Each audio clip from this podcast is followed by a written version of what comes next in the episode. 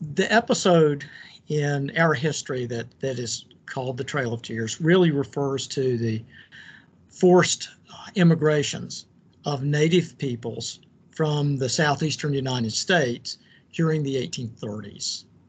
This was um, part of American policy as instituted under the Andrew Jackson administration and legislated with the Indian Removal Act, the passage of the Indian Removal Act in 1830.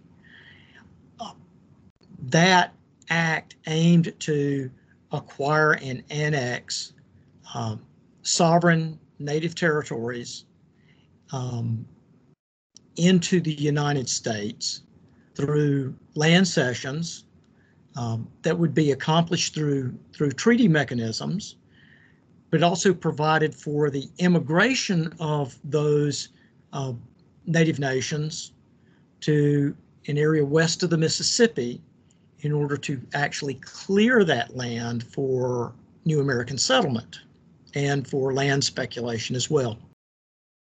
The, the longest running and um, uh, most um, complex and in many ways successful resistance to this effort was undertaken by the Cherokee Nation.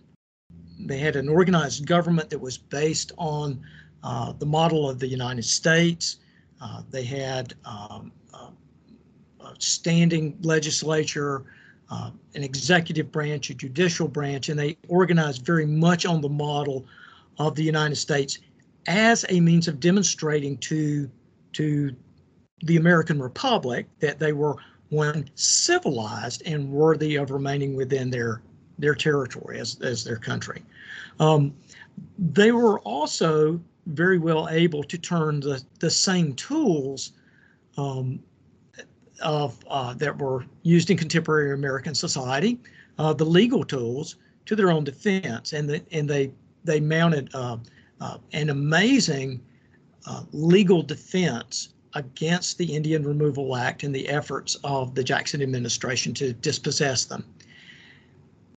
Ultimately, the the various pressures put on the on the Cherokee Nation uh, and a lot of those um, extra legal pressures exerted by the state of Georgia and its citizens uh, compelled some faction of the Cherokee leadership to to treat to to join to the in an agreement with the United States that would affect the complete immigration and cession of Cherokee lands.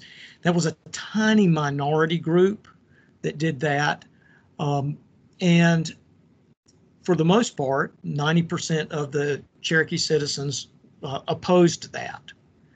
Um, but the federal government uh, ratified that agreement, what's called the Treaty of New Echota, uh, by a very narrow margin, and that committed the Cherokee people to uh, immigration within two years of ratification.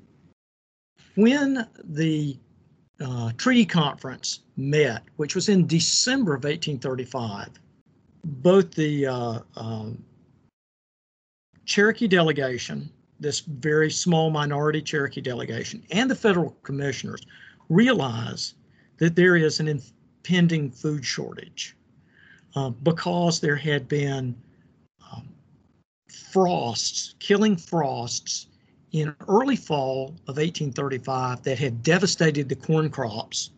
In fact, devastated crops across much of the eastern United States. And there was a collapse in financial markets that followed that. The group that met at New Echota in Georgia understood that these food shortages were impending. And so the Cherokee delegation uh, insisted on a clause in the treaty that provided food aid for Cherokee citizens from the time of the ratification of the treaty for the next two years.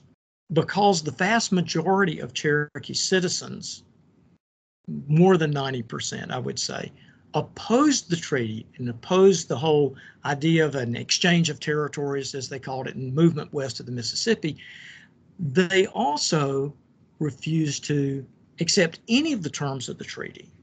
And therefore, as um, you know, a clear political act, they refused rations, even when driven to extremity by a deepening food shortage and ultimately famine, so that people, um, some people died of famine, others were were uh, deeply weakened by famine.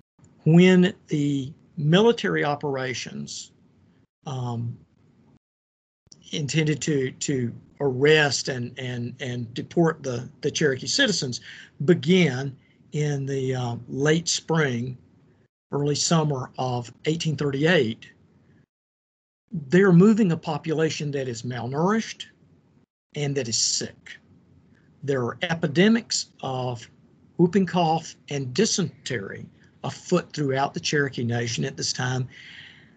That condition then occasioned tremendous mortality among the Cherokees during these military operations. So it's an it's an outgrowth of the food insecurity that has taken place before that really spawns the exceptional mortality that we see in the Cherokee Nation in this forced displacement.